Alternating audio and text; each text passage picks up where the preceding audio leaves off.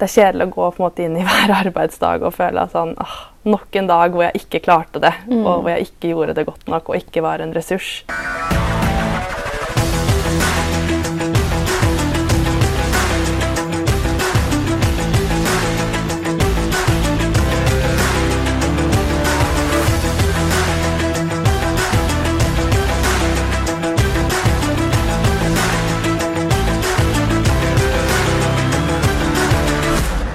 Og velkommen til en ny episode av I starten av min karriere. I dag er hun Marte Børresen gjest. Velkommen så mye, Marte. Takk, takk. Du, som lytterne kanskje allerede har fått med seg, så starter vi alltid med noen standardspørsmål. Hvor gammel er du? Jeg er 27 år. Hva er din hjemby, og hvor bor du nå? Jeg er fra Larvik, eh, og så bor jeg i Tromsø for øyeblikket. Og hva er din utdanningsbakgrunn, og hvor studerte du? Eh, jeg tok eh, både bacheloren og masteren min i eh, England. Så jeg studerte ved University of Southampton eh, og tok en bachelor i business management og en master i supply chain management og logistikk. Hadde du noen verv under studiene? Ja. Eh, jeg hadde ikke noen som var veldig sånn relatert til min grad eller det jeg studerte. Men jeg hadde et verv i noe som heter Southampton Hub, som var mer sånn frivillig arbeid. da.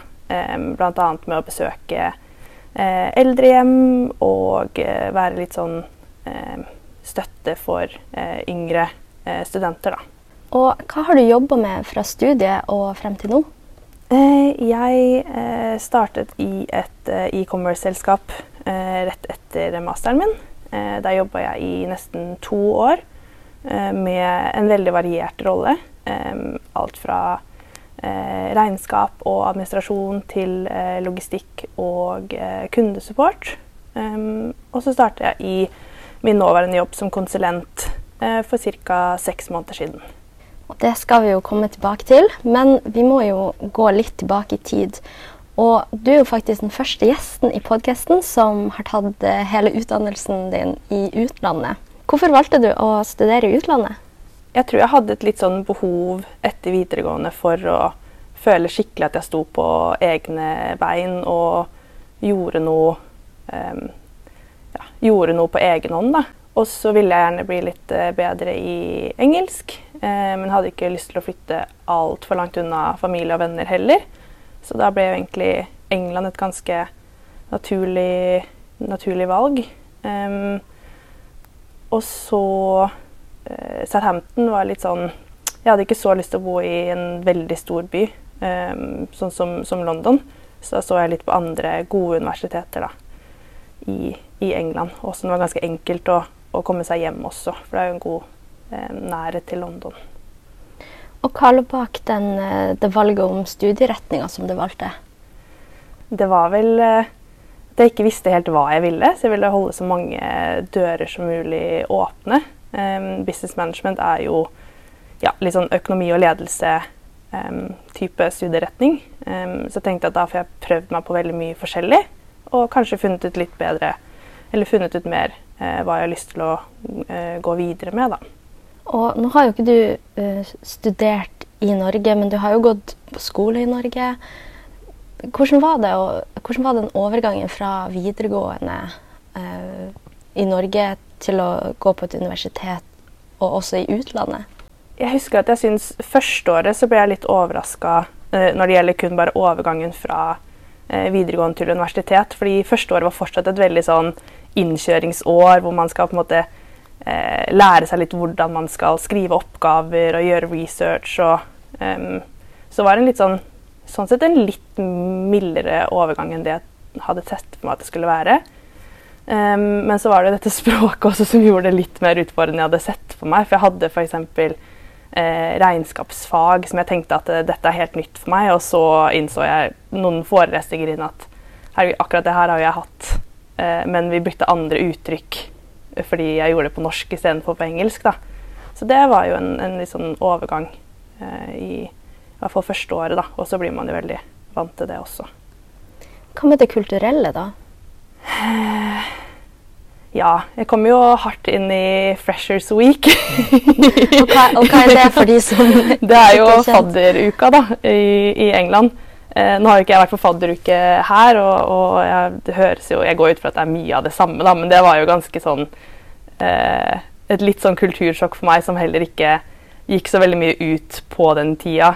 Mest sånn ja, Jeg er jo fra en liten by, og, og sånn, så det var litt rart å plutselig skulle dra på, på byen da med nye studievenner i en helt ny by i et helt nytt land. Um, og en litt annen eh, drikkekultur enn det jeg er vant til, kan du si.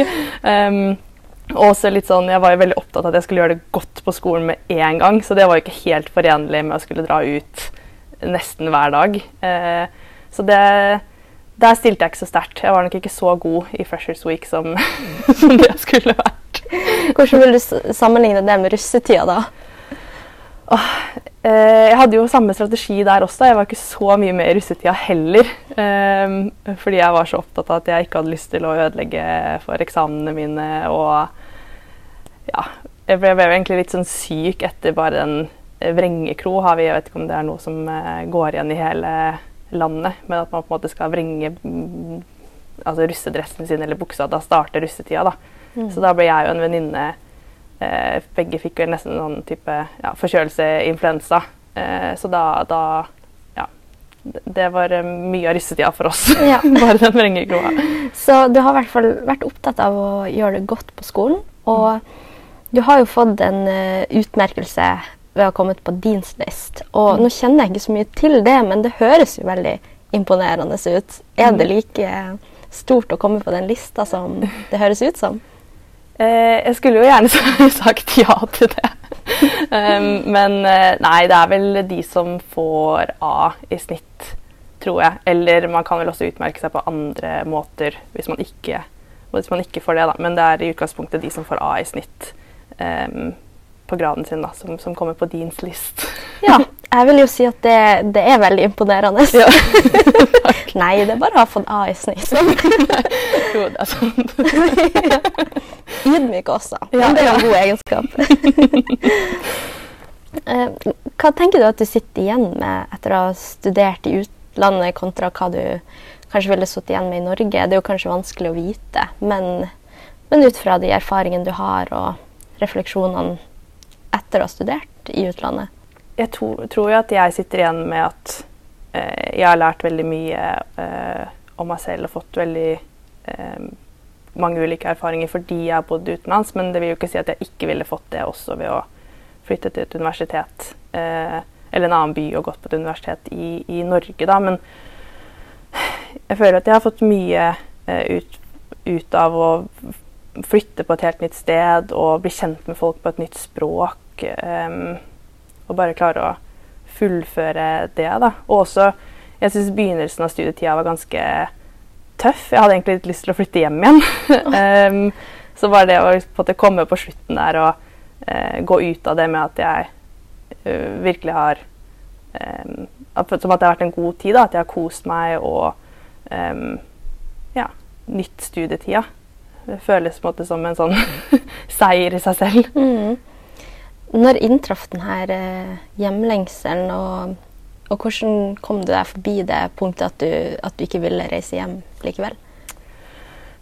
Jeg tror det var nok mot eh, kanskje andre del, siste halvdel av eh, førsteåret mitt eh, og litt ut. Det tok nok såpass lang tid. Eh, eller det føltes som lang tid for meg.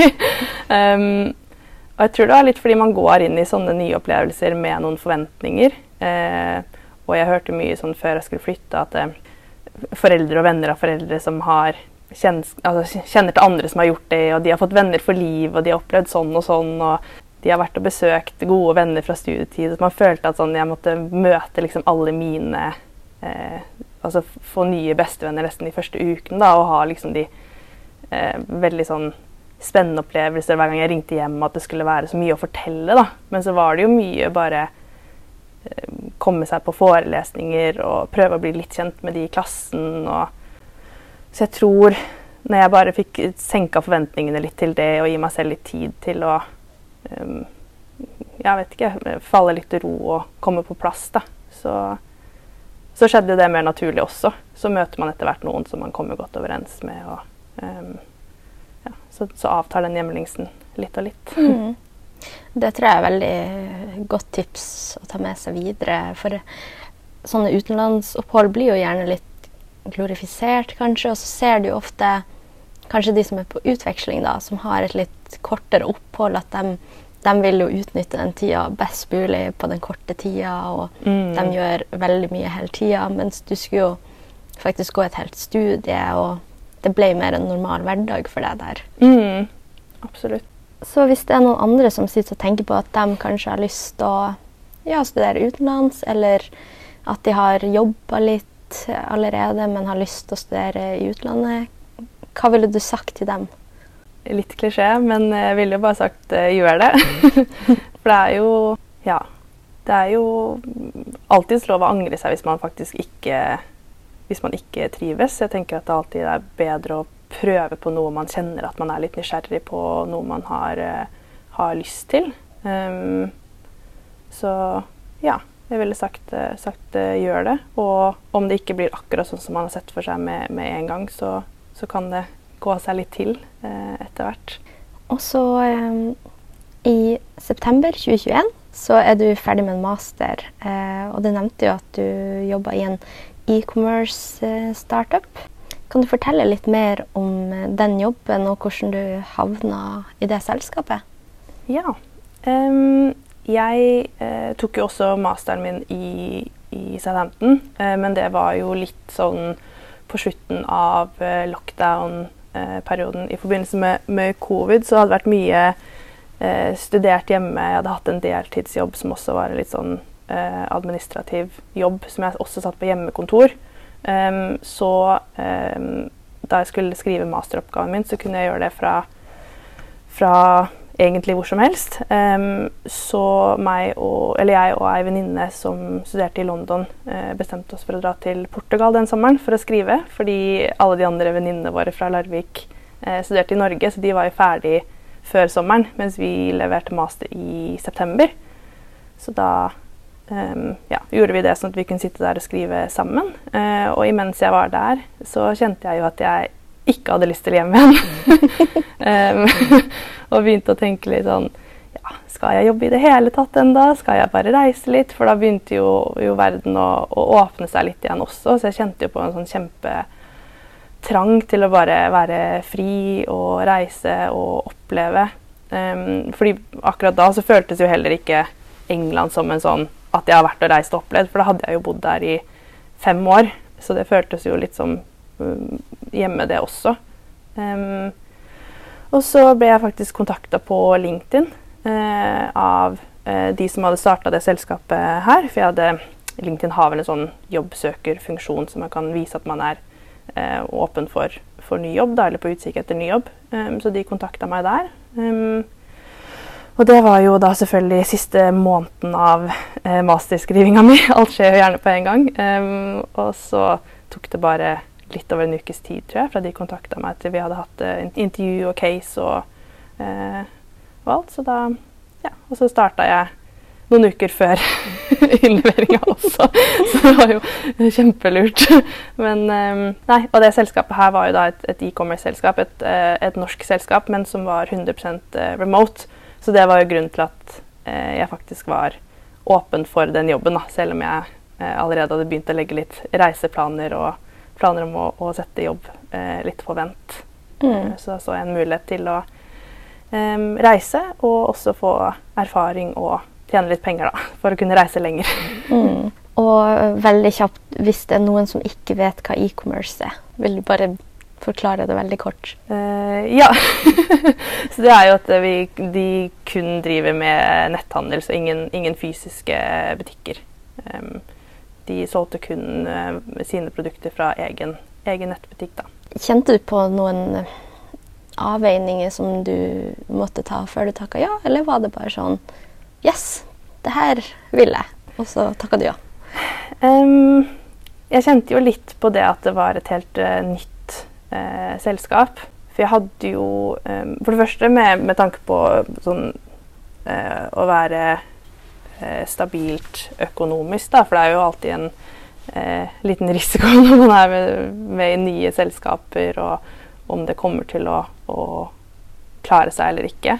Eh, men så tenkte jeg også at hvis det er en tid jeg kan ta en sånn sjanse, så er det jo nå. Siden jeg ikke hadde noe boliglån eller noen andre store eh, forpliktelser. Um, og så var det også det å være um, nyutdanna i et lite selskap med stort ansvar. Um, for jeg hadde jo kanskje sett for meg at den første jobben min skulle bli um, ja, en litt smalere rolle hvor man kan uh, type få nesten en, en, en, mentor i arbeidsplassen og så lære, lære, så mye som mulig. da, Og få litt tydeligere rammer. Så det syns jeg var litt skummelt, og var litt usikker på om, hvordan det kom til å, til å bli. da. Mm. Og som du sier, så var jo det her Du var jo nyutdanna, og så var jo det her første jobben da etter utdannelse. Hvordan var møtet med arbeidslivet for deg? Det, det føltes litt sånn det var litt rart, for det føltes ikke ut som et møte med arbeidslivet i den forstand som man ser for seg. da, fordi jeg gikk jo ikke til et, et fast eh, kontor. Jeg reiste til Jeg var hjemme en tur Eh, etter at jeg var ferdig i Portugal og ferdig med masteren min. Og så reiste jeg til Thailand ganske kort tid etter det. og satt på co-working-steder i, i, Thailand. Så det, det, føltes jo ikke helt ut som jeg hadde på en måte ordentlig starta på uh, i arbeidslivet, da. Um, men det var jo rart å, å, en overgang å skulle sitte med eh, arbeid som ikke bare påvirka meg selv. Eh, sånn, hvis man tenker fra studietid til arbeidsliv, at nå sitter man faktisk og gjør ting som har en, på, en stor påvirkning for, for andre. Da. Og spesielt også i en, i en, startup så kjenner man jo også litt sånn ansvar på at her er det eiere som har lagt mye eh, og ofra mye for å, å starte. Da. Man blir jo litt sånn tettere enn det man kanskje blir når man starter i et, et stort selskap med flere Altså titalls eller hundretalls ansatte. Og det er jo veldig spesiell, eller det er jo flere faktorer som gjør det her veldig interessant. At det er en startup, selvfølgelig, men også at, at du jobber helt remote. Så du er jo på mange måter alene. Du har jo ikke den Du kan ikke bare gå rett over gangen for å spørre om noe. Du, du er jo i hverdagen alene, selv om du sikkert hadde veldig god kontakt med dem gjennom digitale verktøy også. men men det vil jo ikke være det samme. Og jeg merker jo sjøl når det var covid og full lockdown, hvor fint det gikk å jobbe remote. Men mye av grunnen var jo også fordi det gjaldt alle sammen. Alle var i samme båt, og alle satt eh, hjemme for seg sjøl. Så på en måte ble man sammen i det.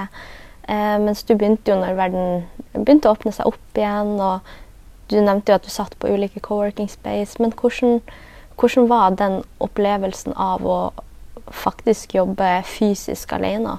Jeg tror fordi jeg ikke hadde hatt den opplevelsen av å jobbe tett på kollegaer, men kom rett fra studietid hvor man også jobber mye for seg selv, men rundt andre, så, så var det ikke så Det var ikke så rart da jeg starta med det, for det føltes som en litt sånn forlengelse av sånn jeg jobba under studietida. da, Fordi jeg oppsøkte jo gjerne steder hvor det satt andre som også jobba på litt lignende måte som meg. da. Så jeg følte allikevel at jeg hadde folk rundt meg som jeg jobba på samme måte, men med andre ting. Litt sånn som i, i, studietida. Men det var jo rart å ikke bli ordentlig Man blir jo ikke kjent heller med kollegaene sine på den samme måten. Og man får jo ikke de um, litt sånn uformelle pratene hvor man blir bedre kjent. Hver gang vi snakker sammen, så var det jo veldig sånn rett på sak og um, ikke så mye sånn småprat utenom om det, og det var jo veldig effektivt. Men man mister jo et litt sånn eh, menneskelig altså, perspektiv på det, da. Men, men, det var også veldig gøy. Da, jeg, jeg, trivdes veldig godt med det å kunne komme inn. Jeg hadde jo eh, liksom faste co-working-steder også. Så man føler jo at man nesten får måte noen andre kollegaer, og man sitter og spiser lunsj med med de som er der fast, eller tar en kaffe, eller Så man, man skaper jo et type community allikevel, da. Eh, bare ikke med dine egne kollegaer. ja. Du blir jo en del av et, en annen kultur også. Mm. Hvordan var det å komme i kontakt med nye folk på de her co-working-spacene? Mm, noen av de så, på noen av de så var det veldig enkelt fordi det var um, De hadde mye arrangementer, eller de hadde liksom noen som jobba der som var veldig flinke til å sette folk i, i kontakt med hverandre. Um, og så kommer du noen steder som ikke det er så åpent, eller du, du merker f.eks. der hvor det er veldig mange gjennomreisende, at folk sitter der i en kort periode. Uh, så er det kanskje ikke like enkelt å bli, bli, kjent, mens der hvor det var mange som bodde og brukte på en måte co-working-stedet som sitt faste kontor, så var de litt mer opptatt av å bli kjent og, og inkludere nye medlemmer og, og sånn. da. Så det, det, varierte veldig fra sted til sted. Og sikkert jeg varierte sikkert fra sted til sted også, ut fra hvor mye jeg hadde reist og hvor på en måte mottakelig eh, jeg var for det. da. Så man må mm. jo melde seg litt på selv også. Absolutt. Hadde du noen faste icebreakers? Nei, det burde jeg jo hatt. Det er jo gjerne disse hvis man tar en øl etter, etter eh, jobb, da. Takk for i går. ja, ja. Um, nei, jeg hadde vel ikke det. Men man kommer jo gjerne i prat bare med å spørre litt hvor folk er fra, og, og hva de driver med. Og spesielt folk som, hvis det er folk som driver egne selskaper, så elsker de å snakke om Så elsker de jo å snakke om, om det de driver med. De er jo veldig Um, det er jo litt generaliserende, da, men mye mer på en måte uh, engasjert i det de driver med, enn andre som på en måte er ansatt og er litt mer sånn de kommer på kontoret og gjør jobben og drar hjem. Ja. Det, er jo, det, er jo, hele livet deres. Det er egentlig en advarsel. Aldri spør gründere om hva man gjør. Med mindre du har, har god tid. Ja.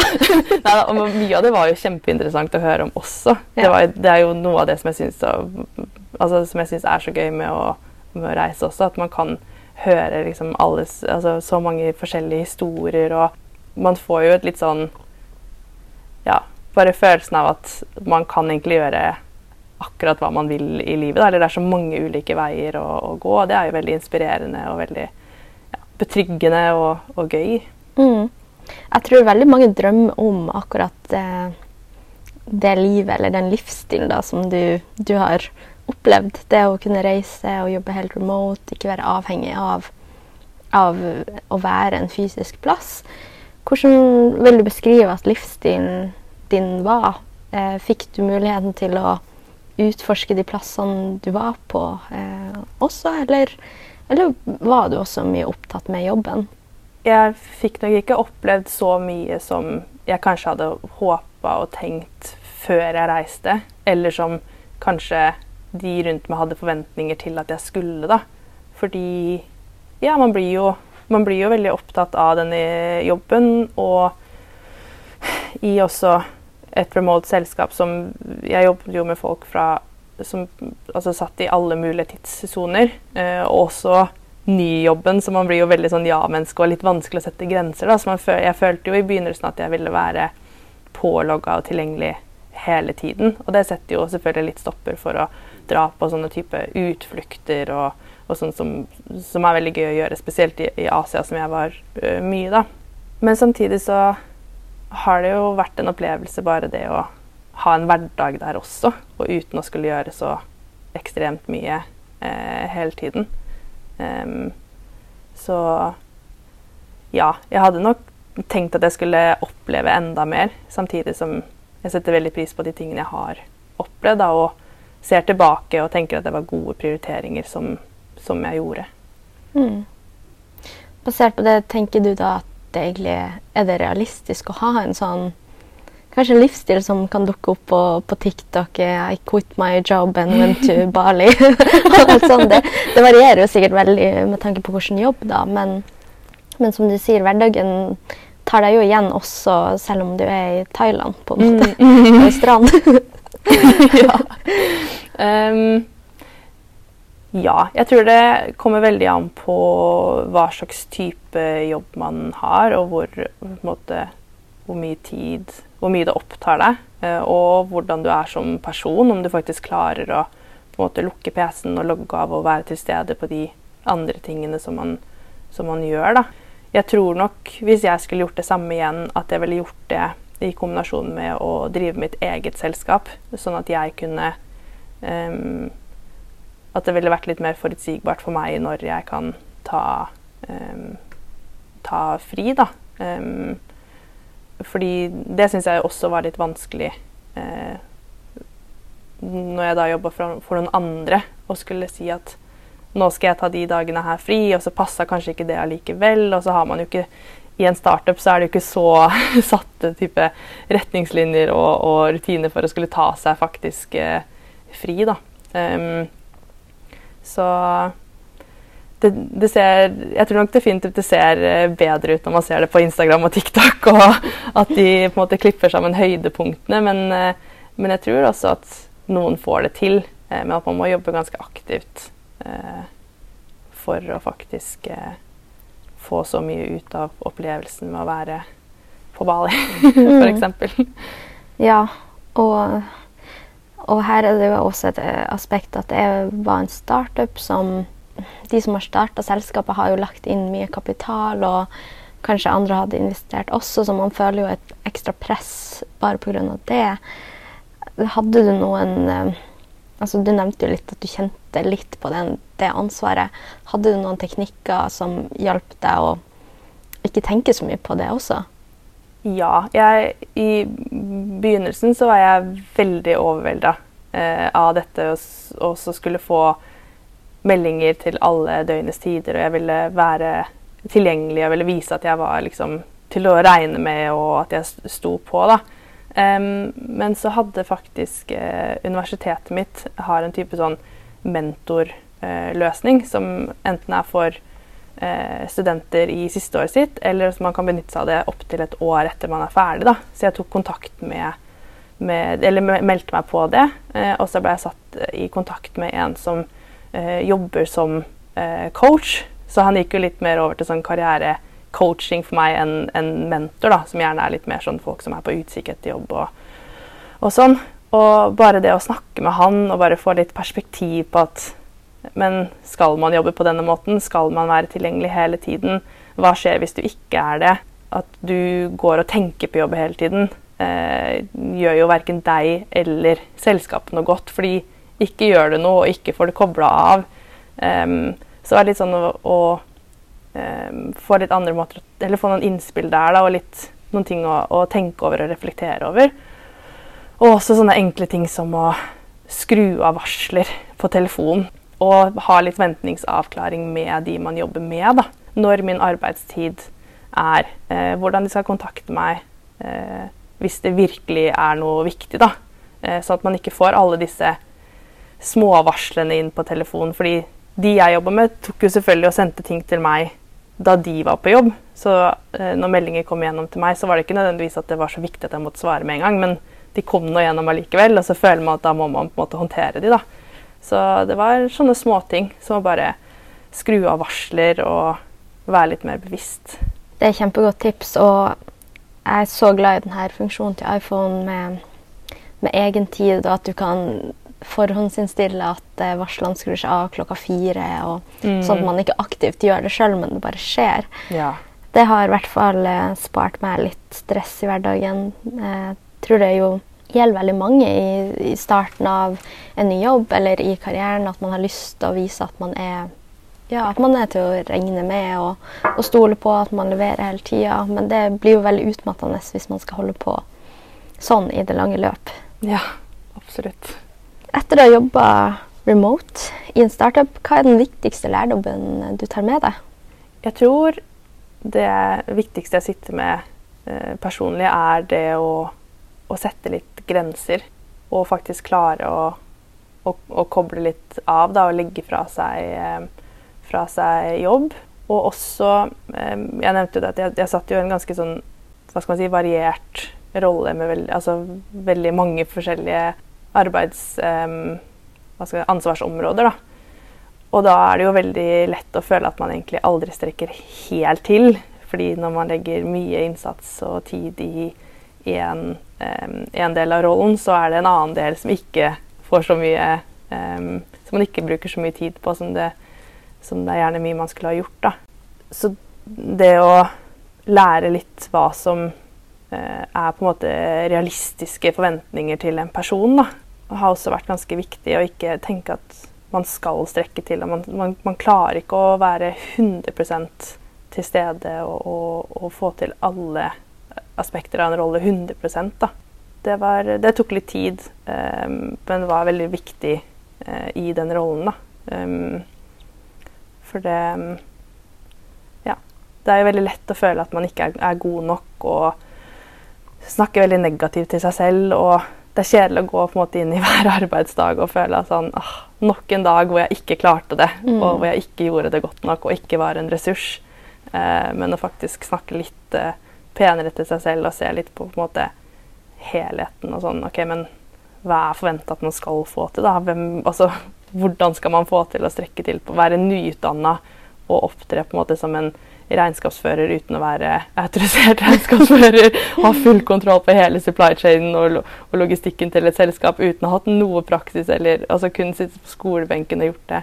Um, så, så, det var nok uh, veldig viktig lærdom for min del å på en måte senke litt forventningene um, til seg selv. Da. Og ikke være, så, ikke være, så, streng med seg selv. Mm.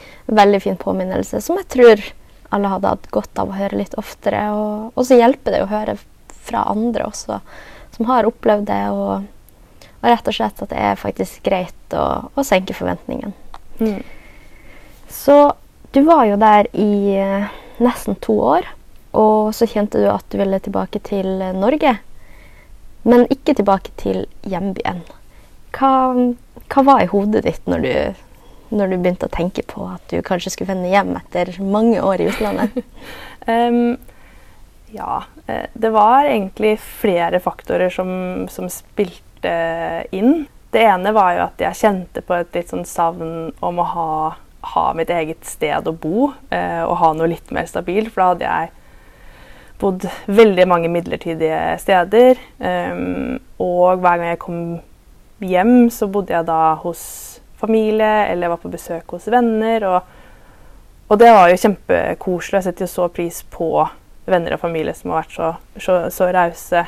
Eh, men så blir man jo også litt lei av å føle at man alltid er den som skal komme på besøk, og den andre skal på en måte eh, varte litt opp for deg. da. At jeg savna litt å kanskje kunne være den som inviterte, og um, var den som kunne ja, lage middag til noen andre, eller ha noen andre um, til å komme på, på overnatting. Og, så det var den ene, den ene tingen.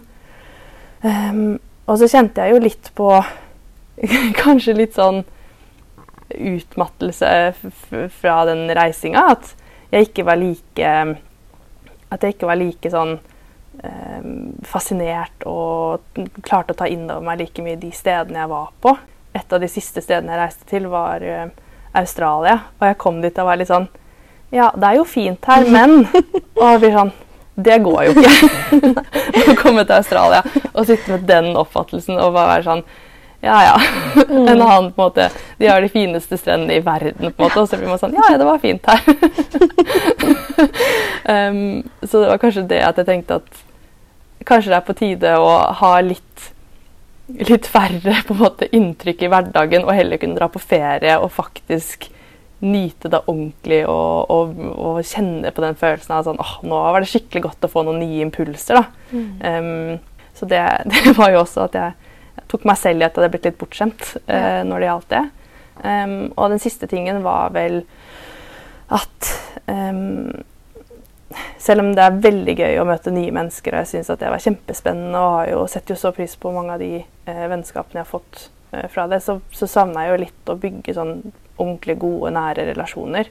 Eh, jeg savna både å være nærere folk som jeg allerede kjente veldig godt. Og en, en barndomsvenninne av meg eh, bor jo i Tromsø, som var noe av grunnen til at jeg begynte um, å, å, tenke på, på, Tromsø og vurderte det som, som en mulighet. Um, og også vite at de nye personene man kjenner, er noen som man kan bygge gode relasjoner til. Da. At ikke er noen som man blir kjent med og har det veldig gøy med, og så om en uke så skal de reise videre, eller jeg skal reise videre. Og så blir det kommunikasjon på nett frem til vi kanskje møtes igjen neste år. Så det var nok også noe som spilte, spilte mye inn. Mm. Så når du tok avgjørelsen om å, å, flytte tilbake til Norge, eller til Tromsø, syns du det var skummelt? Jeg var nok litt redd for at jeg skulle kjede meg. eh, og føle meg ensom. Eh, for det er en ting å reise alene og eh, være på egen hånd når du hele tiden får nye inntrykk og, og er, er, i bevegelse hele tiden. Eh, men jeg var nok litt redd for å på en måte sitte i, i leiligheten i en mindre by og bare kjenne litt sånn at ja, at man kjeda seg litt. da. Men det har jo gått, eh, gått veldig, veldig fint. Eh, Mm. Over all forventning. Ja, og du klinka jo til med, med å kjøpe leilighet også i Tromsø når du først skulle etablere det. ja, jeg tenkte at jeg måtte gå, måtte gå all in. Hvordan er det å ha helt eget kjøkken og soverom og bad? det, det, det er faktisk veldig deilig. Jeg setter ordentlig pris på det fortsatt nå, seks måneder etterpå. Så kan jeg sitte i leiligheten og tenke sånn åh, tenk at dette er min leilighet. Og venninnene mine blir jo sikkert gal at jeg hele tiden skal invitere på middag og, og ha folk, eh, folk hjemme hos meg. Um, men det er jo det er jo også rart. Det er jo en rar eh, overgang, men uh, veldig, veldig Det føles veldig bra. Ja, og det hørtes jo ut som du var klar for det. Du hadde Mm. jo ja, oppnådd et slags metningspunkt av det å reise. At du Mm. kanskje ønska noe litt mer stabilt. Ja. Og så må man jo man må ha en jobb. Man må jo tjene til livets opphold. Og du ble tipsa om eh, en stilling i datakvalitet som du valgte å søke på. Og, og du jobber jo der i dag, da, så da er det ikke noe overraskelse at du fikk den. Men kan du først fortelle hva datakvalitet er? Ja. Um, datakvalitet er uh, overraskende nok fra navnet et lite selskap som, som um, utvikler sin egen programvare for uh, kvalitetsstyringssystemer. Så uh, ja, vi, vi leverer vårt eget kvalitetsstyringssystem, da, hvor jeg da sitter som konsulent. Og hva gjør du som konsulent? Hvordan ser hverdagen din ut? Vi jobber jo da med å eh, sette Altså tilpasse dette systemet til eh, kundene vi har, da. Vi, vi pleier å forklare det litt som med at utviklerne på en måte eh, setter sammen eh, Eller de bygger og lager legoklossene, og så er det vi utviklerne som på en måte setter de legoklossene sammen da, til det som blir systemet til, til kunden. Um, så jeg sitter jo mye i systemet og, og konfigurerer, eh, og også, i, i, leder prosjekter for å eh, finne ut av kundens behov og hva, hvordan de trenger at deres system skal være bygd opp. Da.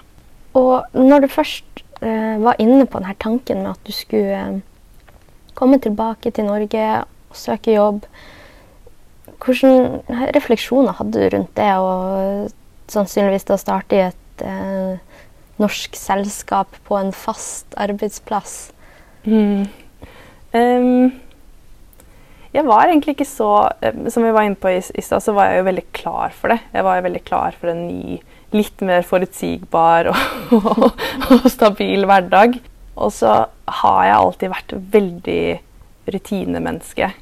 Og, og på en måte trivdes godt med forutsigbarhet. Um, så egentlig så var det veldig utypisk av meg å skulle gå inn i, i type remote-arbeid og, og, og reise så mye rundt. Da. Så det, det føltes egentlig bare veldig naturlig eh, at jeg skulle inn i en sånn, i en sånn eh, rolle eh, og en sånn type jobb.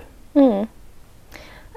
Fikk du oppleve Eller du hadde jo da jobba kanskje litt utradisjonelt av hva man er vant til å høre om, og jobba remote, så du hadde jo ikke fått helt den samme opplevelsen av å være på et kontor med ansatte og den slags. Eh, og så har man jo kanskje litt fordommer basert på mye av videoer man ser, og folk som reiser og skal jobbe remote. Eh, opplevde du at det ble en slags fordom når du møtte arbeidslivet da, her i Norge? Hadde egentlig, det, det slo meg ikke før jeg skulle begynne å, å, søke jobber. Om noe så har jeg kanskje følt litt på det med at jeg har studert utenlands, at norske arbeidsgivere kan At de em, ikke tenker at det er like godt. Da. Det har jeg vært litt redd for tidligere. Og at det er jo mange større arbeidsgivere som har samarbeid med universiteter i Norge. Um, så det har vel egentlig vært det jeg har vært mest bekymra for. Men det at jeg jobba remote, det, det tenkte jeg egentlig ikke noen ting um, på. For jeg, jeg, tror aldri jeg har hva skal man si, identifisert meg helt med de som lager sånn reiseinnhold på TikTok og, og Instagram. Da, for det var aldri noe Jeg gikk aldri inn i den jobben fordi det var viktig for meg å ha en sånn type arbeidshverdag eh, og en sånn frihet. Det var mer at det passet så bra på den tida. Um, men jeg skjønte jo etter hvert at, uh, at det var uh, at det var litt sånne fordommer der, uh, der ute. Um, og det var litt rart, for jeg kjente meg ikke helt igjen i det. Og, og litt sånn, men, og litt sånn, men, men jeg elsker jo å, å, ha forutsigbarhet, og jeg elsker jo å skulle på en måte bli godt kjent med folk og komme på et kontor. Og, um, så så jeg ble møtt med litt eh, fordommer, men det var jo godt at jeg i den, um, i den ansettelsesprosessen at det kom frem, da, sånn at jeg kunne, at jeg kunne vise at det ikke, ikke, stemte helt, og at det ikke var noe viktig for meg å kunne eh, avgjøre hvor jeg skal jobbe selv. Og, eh, jeg satt jo to dager på hjemmekontoret i Larvik for noen uker siden. Og jeg fikk jo veldig fomo å ikke være på kontoret. Savna jo kollegaene mine så mye. Så, så, ja. Og det var jo godt, da. Å, å kjenne at det var riktig å mm. gjøre det på den måten her. det høres veldig fint ut. Og du har jo jobba nå um, i et halvt år i, um, i datakvalitet. Hvordan syns du Vi har jo vært litt inne på da, altså den overgangen fra startup til et mer etablert selskap, og at du var klar for det. Men er det likevel noe som har, er noe som har overraska deg? Kanskje at jeg skulle trives så godt som jeg har gjort. Eh, jeg tror jeg gikk inn i det litt sånn at jeg ikke skulle ha så høye forventninger til hvordan, skal, ting, hvordan ting skal være.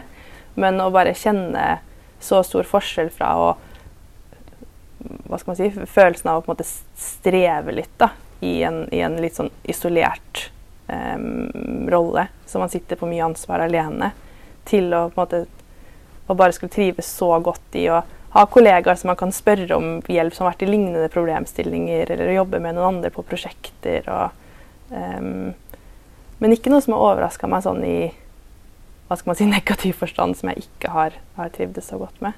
Har du vært eh, i den jobben du har, da, hvis man tenker på arbeidsoppgaver og og måte å jobbe på? Har det vært noe som du syns har vært utfordrende?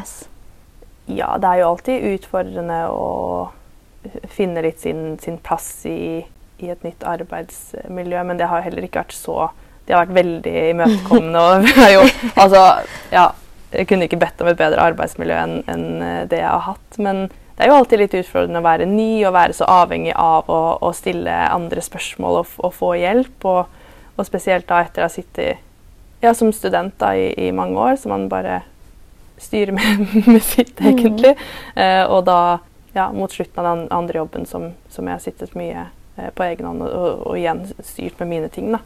Så, så, er det jo det å skulle være litt avhengig av andre igjen. da, Og måtte gå inn på kontoret og på en måte forstyrre noen andre og, og få litt uh, hjelp. Men samtidig så har det også gått, gått så fint, da. Mm. Du nevnte jo at eh, dere jobber tett med utviklerne, at de lager de byggeklossen. Mm. Hvordan syns du det har vært å, eller det å jobbe så tverrfaglig, og at man må kanskje oversette hverandres språk, sånn at man faktisk eh, har den samme forståelsen av hva som skal gjøres? Mm. Ja, det er jo alltid litt, uh, litt uh, utfordrende, og det er jo ja, veldig gøy. Det er jo de fleste som, som, jobber som konsulenter og med utviklere og med salg, kjenner jo til det samme. At på en måte salg Um, da kan de lover at man kan gjøre alt, og så er det vi som på en måte skal gjøre det med kunden. Og så er det de stakkars utviklerne som faktisk skal utvikle denne hvis det er noe funksjonalitet som kanskje ikke er helt som man tenkte. da. Men det har gått greit siden vi jobber så tett. Jeg tror kanskje det ville vært enda mer utfordrende i et større selskap. da. Uh, men fordi det er så Ja, vi jobber så tett på hverandre, og vi er jo ikke så mange. Så det er jo også ganske uformelt her. Så hvis det er noe man ikke forstår, så så kan man på en måte, det er ikke noe farlig å si det. da. Eh, hvis en utvikler hvis du stiller et spørsmål og en utvikler gir deg et svar som ikke du, du forstår helt hva de mener, så, så, kan man bare si det. Så må de omformulere det, da. Mm. Så det er også og overraskende greit. ja. Så bra. Det høres ut som alt går eh, på skinner her eh, i datakvalitet. Det høres nesten litt for godt til å være sant ut.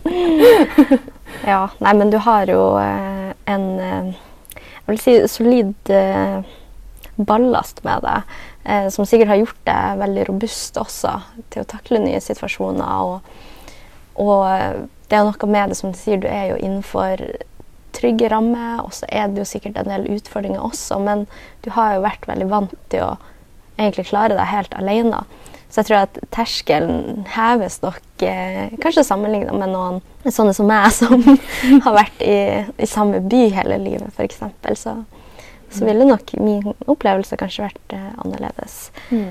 Men det er jo bra at vi kan lære av hverandre, da. Og Ja. høre at det går bra uansett. Ja. Mm. Tror du at du ville eh, gjort alt sånn som du har gjort det på nytt igjen? I datakvalitet eller generelt? Eh, generelt hvordan eh, utdanninga og, eh, og arbeidserfaringa har gått seg til. ja, jeg vil jo egentlig si det. Fordi man Det høres igjen litt sånn eh, klisjé ut, men man tar jo med seg så mye lærdom fra de tingene som ikke går helt veien også. Jeg tror jo f.eks. ikke at jeg ville Hadde jeg ikke hatt de årene med reise og, og det behovet for et, den stabiliteten og en, en en mer en annen type jobb, da, eh, så hadde jeg nok kanskje ikke havna i Tromsø. Da hadde jeg kanskje søkt til Oslo isteden. Så, så jeg, jeg tror på en måte at alt Frista til å si alt skjer for en grunn, men, men jeg tror jo Jeg tror virkelig det. Um, så Nei, jeg hadde nok eh, Hadde nok villet gjøre det samme igjen, ja. Mm. Og det jeg ofte har tenkt på, da, er at jeg har jo veldig mange av mine gode venner er jo fra som jeg møtte på studiet.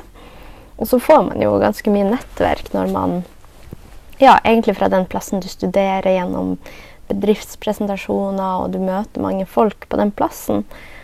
Eh, men du har jo studert i utlandet, og du har jo sikkert fått et stort eh, nettverk og, og et større internasjonalt nettverk.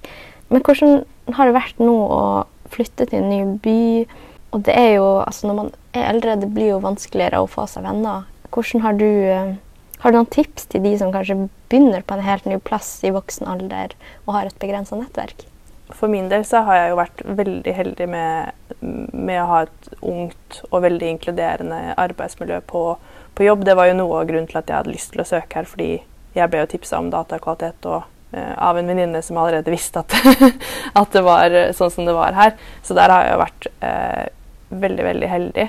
Men jeg vil nok til andre som skal gjøre noe lignende, så vil jeg jo tipse til å være åpen, uh, men også gi seg selv litt tid. Prøve å gå inn uten for mye forventninger til hvordan den relasjonsbyggingen skal se ut, og heller være litt åpen for det som, som kommer, da.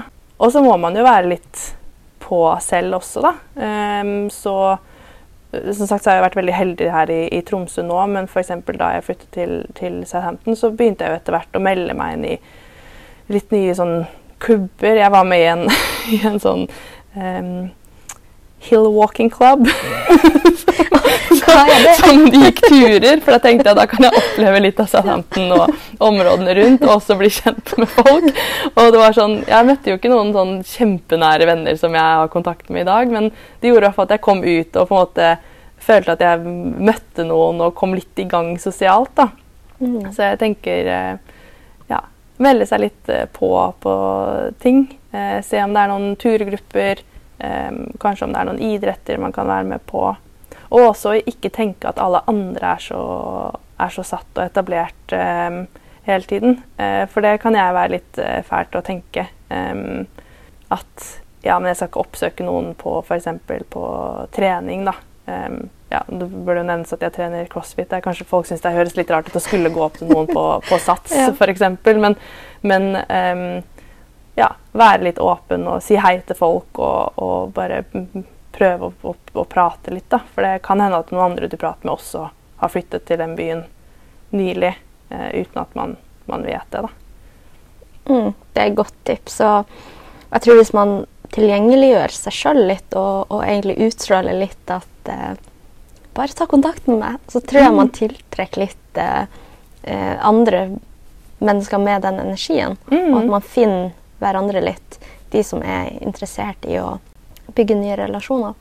Absolutt. Eh, vi nærmer oss slutten, eh, så da vil jeg stille deg spørsmål om hva er dine ambisjoner for egen karriere? Oh.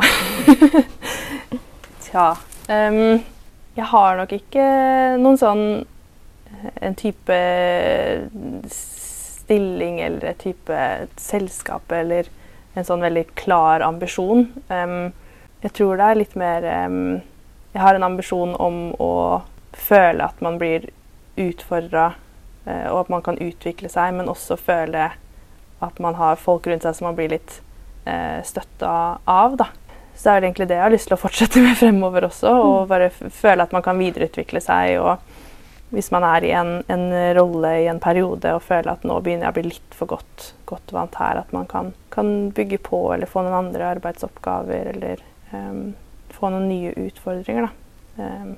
At man eh, ja, ikke skal kjede seg, men, eh, men eh, heller ikke føle at man hele tiden skal, skal ja, ikke ha hodet over vann. Da. Du har jo også gitt veldig mange gode tips gjennom denne samtalen, men vi bruker jo alltid å avslutte med ett tips. Så hvis du skulle gi et tips til andre som er i starten av sin karriere, hva skulle det vært? Da ville jeg sagt um, ikke tenke at alle valg er så ekstremt store. Jeg husker i hvert fall da jeg gikk på videregående og, og var yngre, så, så var det alltid sånn at ting er så Dette må du tenke veldig nøye over, og dette er store valg og kommer til å på en måte eh, ha så mye å si for fremtiden din. Da. Men ingenting er konstant. Da. Man kan alltids endre på noe. Man kan starte i en ny jobb. og Hvis man ikke trives, så kan, kan du søke noe annet og starte i en annen jobb. Eller du kan flytte til et sted, og så hvis ikke du trives, så kan du flytte derfra igjen. Og, så ja. Tørre å, å, å ta noen valg uten at de skal være så føles så store, da. Um, og også lytte litt etter magefølelsen. Ikke bare det som høres rett ut. Jeg tror Spesielt når man sitter i, eh, som, som nyutdanna skal søke jobber, så har man bare så lyst. Og man har så lyst på den første jobben. Eh, men så må man huske at man faktisk skal jobbe der og, og bruke veldig mye tid der. Da. Så, så lytte litt på egen magefølelse under disse intervjuene. og og ta litt inn over seg den informasjonen man får fra arbeidsgiver også. Da, og se for seg om det er et sted man faktisk kan, kan trives. Og jeg kjenner meg veldig igjen det her med de valgene.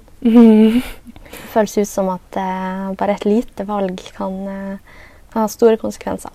Mm. Men noen ganger er det jo ikke sånn. Og så kan det jo være sånn òg. Men eh, Ja, altså det er jo alltids lurt å tenke seg litt, litt om og, og ta noen vurderinger.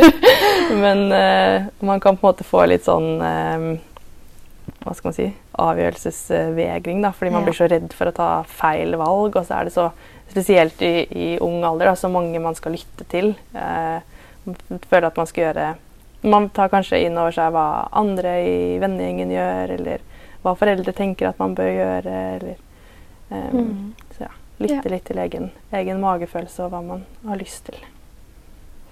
godt tips og fin avslutning på denne episoden. Tusen takk, Marte, for at du gjesta podkasten i dag. Takk for meg.